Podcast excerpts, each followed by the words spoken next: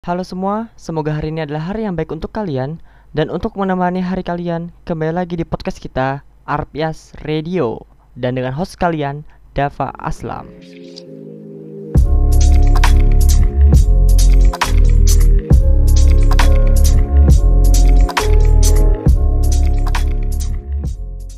Halo Sobat Arpias Radio Kali ini gue bakal nge-host sendirian karena emang gue nggak punya rencana sama sekali buat ngajakin teman-teman gue nge-podcast bareng.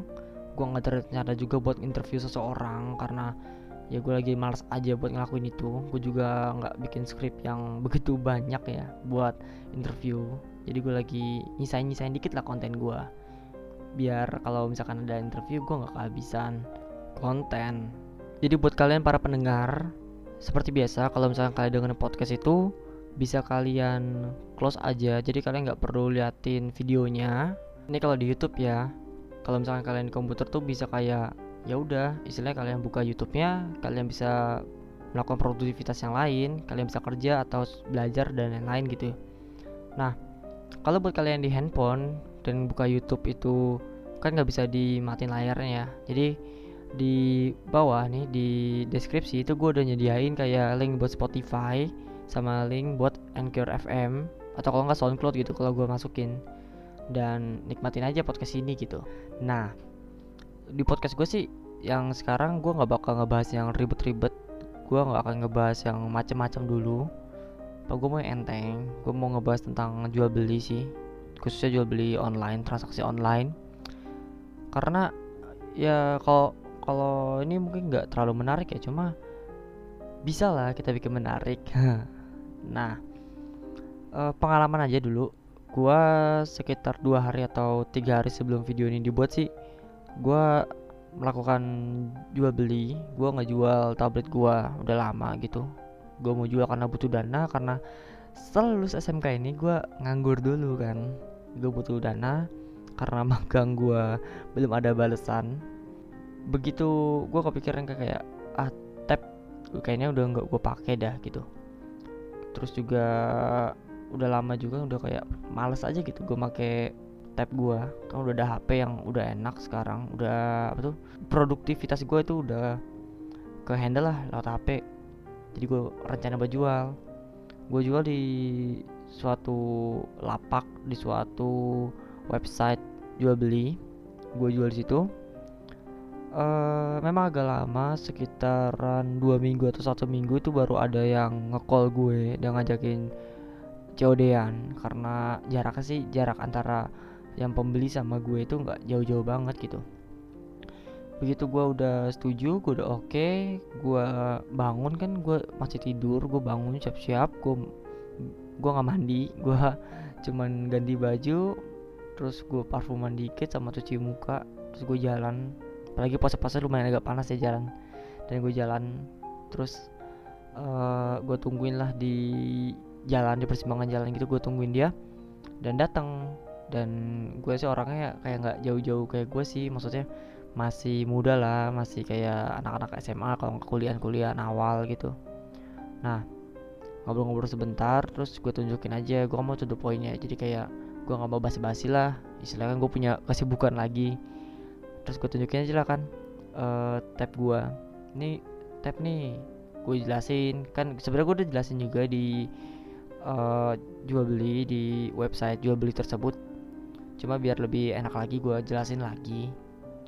Dia ngeliat dan gue udah kayak oh udah kayak udah oke okay dan nih orang nih udah setuju deh. Terus uh, dia udah nanya kan udah nanya banyak kayak kameranya gimana terus bisa ini bisa itu enggak. Udah seneng dia selama dijual beli itu kan ada fitur chatnya dia nggak ngomong apa-apa ya kayak spek atau apa. Dan gue sih udah kayak pede aja kayak ah mungkin nih orang udah baca-baca kali di Google di internet gitu kalau uh, tab yang gue jual tuh speknya seperti ini. Jadi gue santai aja. Karena kan kalau gue dijual beli deskripsi ini tuh tentang uh, produk gue aja sorry maksudnya tentang gimana nih kualitasnya gitu pemakaiannya gimana wajar atau enggak ada kerusakan atau enggak ada minus enggak terus uh, dapat apa aja kelengkapannya apa aja gue paling begitu aja kan.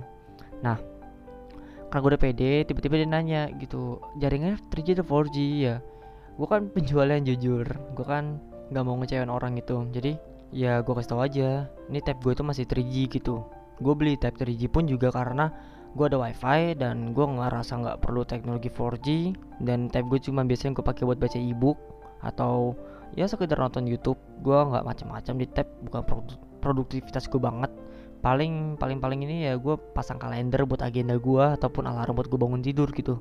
Karena biasanya kalau malam HP gue cas setelah gue jelasin dan tiba-tiba dia dengan alasan uh, aduh mas sorry uh, saya butuh yang 4G karena 3G nggak ada jaringannya dengan alasan seperti itu gitu. Dan tuh dia bawa mama sih jadi yang orangnya sepantaran gue itu bawa mama. Sebenarnya sah sah aja sih dalam jual beli cuma ya kayak gue kira lu udah baca speknya atau kalau nggak lu nggak tahu kan bisa lo chat dulu. Jadi lu ketemuan tuh tinggal bayar ataupun lihat kondisi barang aja secara langsung gitu.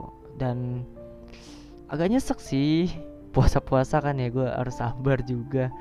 Ya lumayan nyesek lah gue nungguin gitu nungguin lumayan lama sekitaran 20 menit atau 30 menitan buat nunggu dia gitu di jalanan. Udah kayak gembel tapi ya udahlah gitu. Dan ya semoga ini nggak terjadi pada kalian ataupun para pendengar-pendengar gue semoga kalau misalnya kalian mau beli barang itu dipastiin kayak kalian harus kalau misalnya kalian males banget nanya ya nanya speknya gimana atau apa nih khusus gadget ya karena biar gue gampang jelasinnya misalnya kalian mau beli handphone kalau kalian mas nanya speknya apa ya kalian bisa browsing dulu lah gitu. Jadi pas udah ketemuan itu bisa langsung deal aja gitu. Jadi kalau misalnya kalian kurang suka sama barang itu ya udah kan bisa di cancel via chat aja. Kayak maaf kan sorry uh, belum cocok sama barangnya. Jadi kan lebih enak gitu. Kalau gini kan lumayan nyapain gue juga yang udah jalan yang udah ngeluarin ongkos buat gue bayar angkot ataupun tenaga lumayan sih gue jalan. Agak jauh terus gue naik angkot gue berhenti gue tungguin dia dan ya ke cancel. Mungkin kalau dalam jual beli ya sah sah aja cuma ya agak kasihan aja gitu. Kalau misalkan nasib kalian kayak gue atau kalian yang melakukan hal sama dengan pembeli tersebut. Ngomongin jual beli khususnya jual beli online uh, gue sangat seneng banget kalau zaman sekarang tuh apa apa tuh gampang. Kayak gue mau beli barang nih gue mau beli baju gue mau beli gadget gue mau beli produk-produk lain. Itu tinggal gue buka internet dan barang gue sampai gitu kan. Jadi kayak semua gampang lah gitu nggak ribet kalau zaman dulu kan. Misalkan lo mau beli barang yang gede misalkan lo mau beli lemari lo harus ke pasar ataupun lo ke swalayan ataupun ke toko-toko furniture gitu. Terus lo beli lemari dan lo harus bawa lemari itu atau enggak pakai jasa angkut dari mereka. Jadi lo harus ke tempat. Kalau sekarang kan dipermudah cuma dalam transaksi online itu ya namanya juga online ya. Dunia digital dunia cyber itu nggak bakal aman. Sebenarnya nggak terjadi pada toko online aja ya atau transaksi online. Lu kalau nge ngebahas yang out of topic di sini ya lu bisa lihat kayak di media sosial kayak gitu. Misalkan lu upload foto secara otomatis foto yang lo upload itu bukan milik lu itu udah milik internet udah itu udah milik global. Nah termasuk juga transaksi online.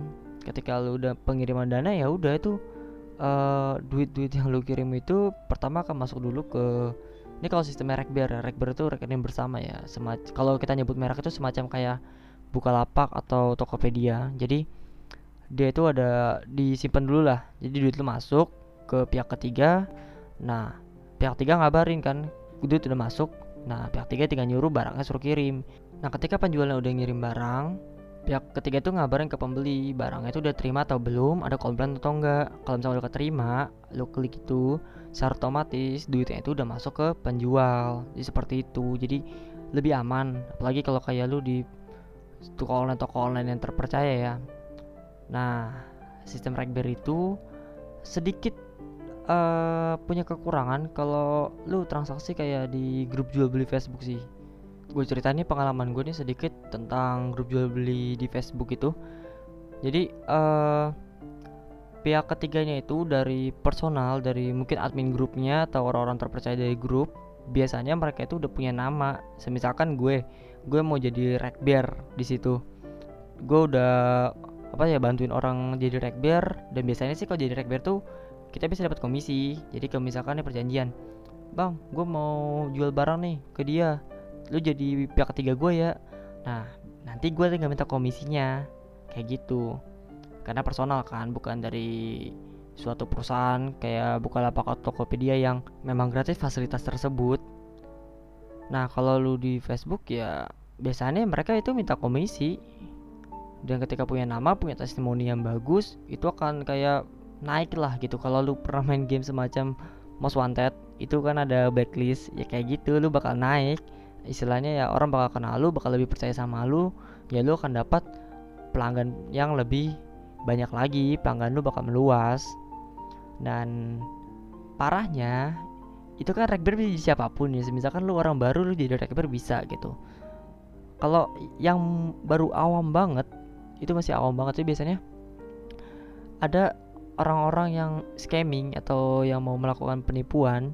Jadi caranya kayak gini nih gue pernah ngebaca di artikel-artikel sama pernah lihat aja itu kayak kalau kesah yang jual beli situ yang komplain. Jadi misalkan gue jadi penjual. Nah gue punya teman gue yang speak speak ya jadi ini jadi rek bear atau enggak lebih enaknya tuh gue jadi pembeli deh. Nah terus speak speak teman gue jadi rek bear gue bikin kayak ini uh, transaksi palsu. Ini bukan ngajarin ya ini kayak jelasin aja biar lu nggak dibegoin. Jadi gue bikin transaksi palsu ke temen gue karena udah temenan jadinya ya emang udah sekongkolan. Nah gue kasih nah rekber ini temen gue yang rekber ini bakal ngasih tahu ke penjualnya. Nih udah udah dikirim nih duitnya. Nah penjualnya kan ngirim akunnya ke rekber rekber sama gue itu langsung kayak cabut gitu loh jadi barangnya hilang. Dan gue dapat untung berdua gitu. Biasanya nih uh, kayak jual-jual akun. Misalkan di Facebook itu ada yang jual akun AdSense atau akun game dan lain-lain semacam-macam. Akun itu lebih aman dan lebih gimana ya lebih aman lah dibanding barang gitu. Kalau barang kan bisa ditarik lagi kayak gitu. Nah kalau gue punya tips banget buat kalian dan gue bakal kasih tahu nih cara antisipasinya. Kalau biasanya gue mau transaksi misalkan gue mau beli laptop di Facebook gitu gue suka nih sama barangnya gue udah ngobrol itu biasanya tuh gue pancing-pancing kayak lu fotoin lagi deh gitu. Maksudnya fotoin itu jangan dari Facebook siapa tahu dia pakai foto dari Google atau gimana. Jadi gue minta difotoin lagi dan kalau memang sama gue udah agak setuju udah agak oke okay, barang lu ada gue percaya gitu. Sekalian gue nanya kayak minusnya apa aja ya biasanya gitu.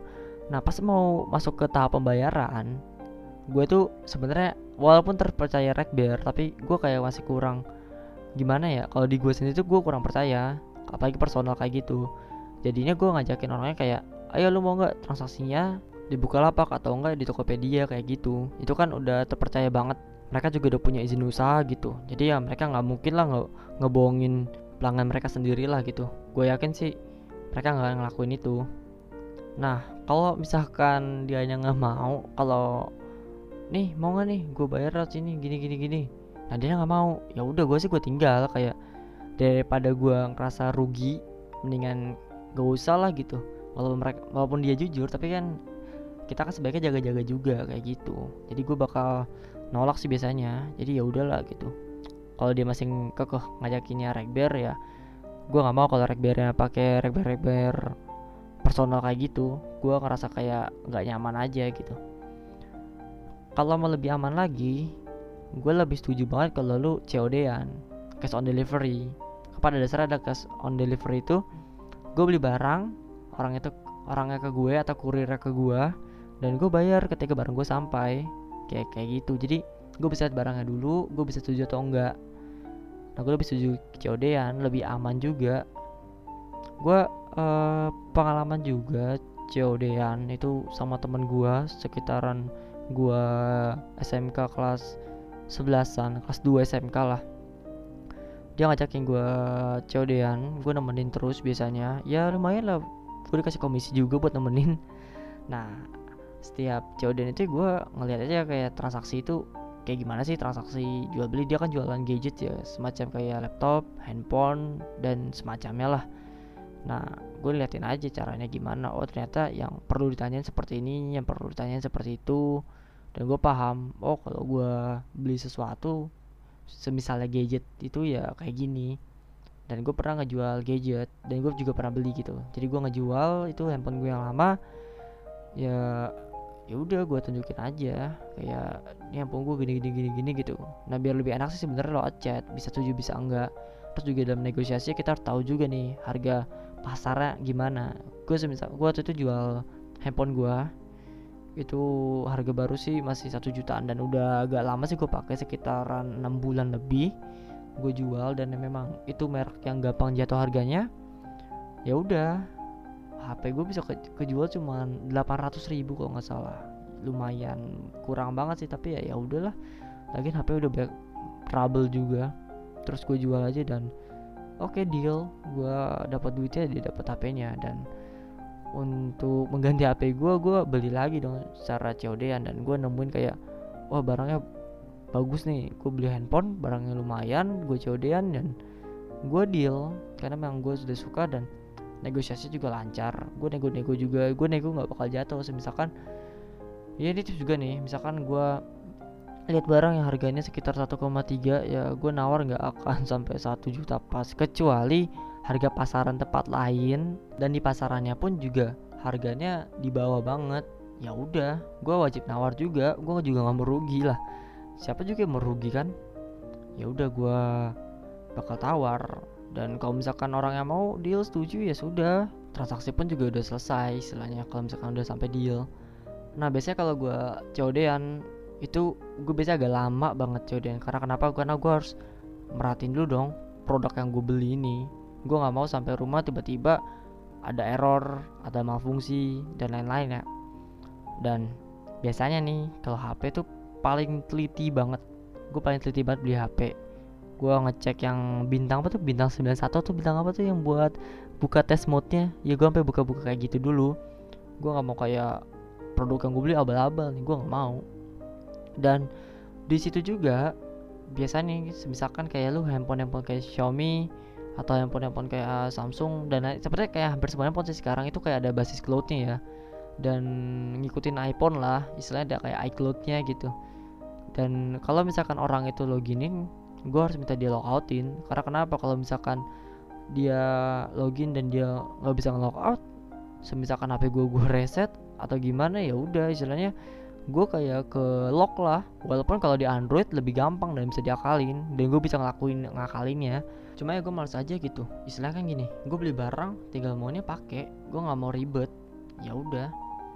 Kalau misalkan dia nggak bisa atau gimana gue mendingan cancel aja sih. Kayak kalau misalkan lu ngerti bypassnya lu mungkin bisa mikir dua kali lu bisa cancel bisa enggak. Cuma kalau misalkan lu nggak mau ribet atau lu nggak ngerti ya mendingan nggak usah. Karena kalau tempat servis pun itu lumayan gila. Tempat servis tuh ya mahal coy. Karena kan mereka ngitung tenaga juga. Padahal misalkan gini uh, lu benerin touchscreen touchscreen itu biasanya pasaran kalau di HP-HP yang nggak begitu macam-macam touchscreennya nggak kayak OLED LED atau gimana gitu gua atau kayak Gorilla Glass yang bagus-bagus sih biasanya 130-an, 200, 300 gitu.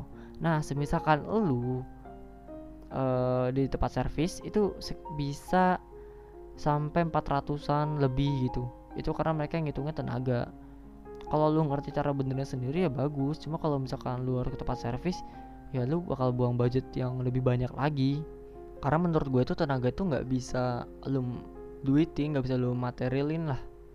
Jadi kalau misalkan gue buka jasa suka-suka gue gue mau ngasih budgetnya berapa mau ngasih harganya berapa buat jasa gue sendiri ya mungkin mereka juga seperti itu. Sama kasusnya itu kayak waktu gue uh, ngebuka sebuah jasa pembuatan web sebenarnya tuh kayak lebih desain tampilan aja sih. Jadi gue buka jasa itu dan bahan-bahan itu sih semua dari internet kayak layoutnya. Ya beberapa web sih gue pakai template dari internet sih. Tinggal gue ubah sesuai dengan selera gue aja sama selera dari klien aja. Dan itu lumayan gue istilahnya modal gue cuma laptop internet sama otak. Itu gue bisa dapetin buat pelajar ya gue waktu itu ngejual 500 lumayan lah 500 isinya dua orang 500 sudah satu juta. Gue waktu itu berhasil dapet empat orang jadi gue sekitar dapat 2 jutaan. Dan lumayan gue bisa beli barang yang gue suka atau yang gue pengen. Kayak gitu aja sih. Kalau jasa tuh enak. Cuma ya apalagi kalau gue nih jasa kreatif ini media kreatif gini ya beneran harus kreatif. Walaupun gue template dasar yang ambil cuma ya harus dulu cuci lah harus dulu pikir-pikir lagi lah biar ini template ini nggak kayak colongan gitu. Harus lu modifikasi dengan baik dan sesuaikan juga dengan permintaan klien lu. Kalau klien lu minta A B C ya lu harus bisa iyain karena ya pembeli itu kan raja gitu. Ngomongin jual beli jasa memang gue uh, ngejual jasa gue tuh emang di Facebook doang. Gue jual desain web itu cuma di Facebook. Dan pengalamannya juga pengalamannya enak nih. Jujur pengalamannya enak. Gue kerja tinggal santai di rumah. Gue cuman ngubah codingan sesuai dengan dia mau dan selesai gitu dan gue dapat duit dengan jumlah yang lumayan. Cuma terkadang uh, klien itu nggak mikir. Kayak gue ngejual jasa ini gue mau bikin desain web buat company profile. Gue hargain 200 sama 500 dan gue ngasih tau template begini nih. Inilah mungkin lu tinggal masukin konten aja. Kalau nggak ada lu rubah dikit lah kayak warna atau apa. Nah gue kesel tuh sama kayak misalkan klien itu yang minta macem-macem. Nggak sesuai dengan budget yang ada cuma dia minta macem-macem. Kayak e, kasih fitur ini dong kasih fitur itu dong begini begitu begini begitu. Kalau misalkan masih kemampuan gue dan merasa gue nggak masalah sih ya biasanya gue kerjain ya kayak oh iya iya iya walaupun gondok juga sih di hati. Cuma kalau misalkan udah lewat dari itu semua udah bikin gue kesel kayak gila nih orang gue cuma jual segini lu minta macem-macem. Ya udah gue lepas aja. Gue pernah ada kejadian tuh gue kan masih basic banget gue masih pelajar ya istilahnya kan gue masih siswa waktu itu gue jual desain web dong gue jual desain company profile biasa dong. Tiba-tiba ada orang yang karena mungkin lihat harga gue murah terus dengan enaknya tuh mau kayak desainnya itu kayak friendly. Bukan desain doang sih kalau kayak desain doang sih gue nggak masalah. Mekanismenya coy. Gue bilang what the fuck? Sorry sorry sorry jadi kasar kan. Jadi ya gue kesel aja dong orang nggak seberapa tiba-tiba minta branding ya gue tolak aja kayak sorry gan. Uh, gue atau sorry kok gue sih? Sorry kan saya cuman jual di profile aja nggak macem-macem. Bla bla bla bla gue jelasin. Dan orangnya kayak entah itu mancing-mancing gue doang atau gimana ya gitulah. Terus juga uh, eh, gue pernah jual semacam produk RDP jadi RDP itu remote komputer. Misalkan lu butuh komputer buat server atau buat bot dan lain-lain yang nggak perlu lu handle sama 24 jam dan nggak perlu nyala sama 24 jam di tempat lu lu bisa nyewa. Gue pernah nyediain jasa kayak gitu dan memang sih gue itu ngejatuhin pasar karena kan rata-rata orang itu pakai beberapa vendor dari Amazon atau dari Google atau dari Microsoft dan lain-lain ya. Dia pakai server mereka dan mereka dan mereka pun ngejual dengan harga yang istilahnya 50 80 100 istilahnya di atas 50-an ya gua ngebuild PC gua punya masih punya modal dari web itu gua ngebuild PC dan gua kasih istilahnya prosesor tuh nggak tinggi banget dan rame doang gue gedein. Gue make virtual OS mungkin kalau lu anak IT atau lu ngerti komputer ya lu bakal paham tentang ini sih. Gue bikin kayak virtual OS jadi uh, eh, OS itu nggak gue tempelin di komponen hardware gue yang asli ya. Itu kayak ya gue bikin OS OS lagi gitu. Gimana ya jelasin ya kalau buat orang gue kurang paham nih jelasinnya. Mungkin kalau ada yang ngerti ya bisa kalian komen aja gitu. Jelasin maksud gue ini gimana. Nah itu gue bikin jasa RDP gue ngejualin orang-orang gitu. Gue jual murah banget 10 ribu dengan RAM yang 512 perbedaannya adalah uh, mereka istilahnya itu RAM yang 8 ke atas, yang 10 ke atas itu digabung. Jadi semua user itu digabung dalam satu sistem. Jadi mereka bakal berat. Nah, kalau di gue itu beda. Kalau di gue itu kayak ini gue kasih kamar-kamar nih. Ini gue kasih kamar lu, gue kasih kamar lu, gue kasih kamar lu. Walaupun uh, RAM lu kecil, cuma nggak akan ngeberatin lu. Yang bikin berat RAM lu kecil itu karena eh, barang-barang lu sendiri misalnya lu di hotel nih yang bikin ruang lu sempit itu ya ruangan lu sendiri ruangan lain mah gak akan sempit kalau mereka itu kayak di ya kayak di sebuah gedung serbaguna dan mereka bawa barang barang-barang ya istilahnya itu server bakal lemot karena mereka semua. Kalau gua kan enggak gitu. Kalau gua kan per orang yang per kamar kayak gitu jatuhnya. Nah gue jual tuh murah sepuluh ribuan. Dan di situ kayak banyak orang yang ngecengin gitu kayak ya paling server abal atau apa apa atau apa. Dan gue tahu aja sih. Dan buat uh, ngalahin pemikiran mereka yang kayak gitu gue nggak bikin demo. Gue bikin kayak sampelnya aja. Nih dicoba aja. Gue kasih demo gue kasih sampel mereka login ya mereka terdiam atau enggak mereka beli karena ngerasa itu lancar lancar banget. Gue ngasih Windows XP itu kan speknya nggak makan banyak sangat lancar kayak gitu. Buat jual beli sih gue juga make pulsa gitu. Jadi gue cairin nanti sama penyedia pulsa. Kalau sekarang sih kan udah kayak ada OVO dan dan lain itu memudahkan banget loh. Karena kalau pakai pulsa itu lu dikepotong sama rate mungkin ini akan kepotong sama transfer bank cuma ya nggak begitulah. Nggak kayak rate kalau rate itu misalkan 100 ribu tadi kali 0, berapa gitu dan itu hasil lu dan itu beneran kayak ngurangin banget lah mengurangi pemasukan lu yang seharusnya lu bisa dapat 200 ribu lu cuma dapat sekitar 190-an atau 180-an lumayan nyesek sih. Cuma ya gimana ya waktu itu kan belum ada penyedia kayak OVO dan lain-lain gitu. Oh ya buat ngomongin OVO dana gitu gue sangat seneng banget.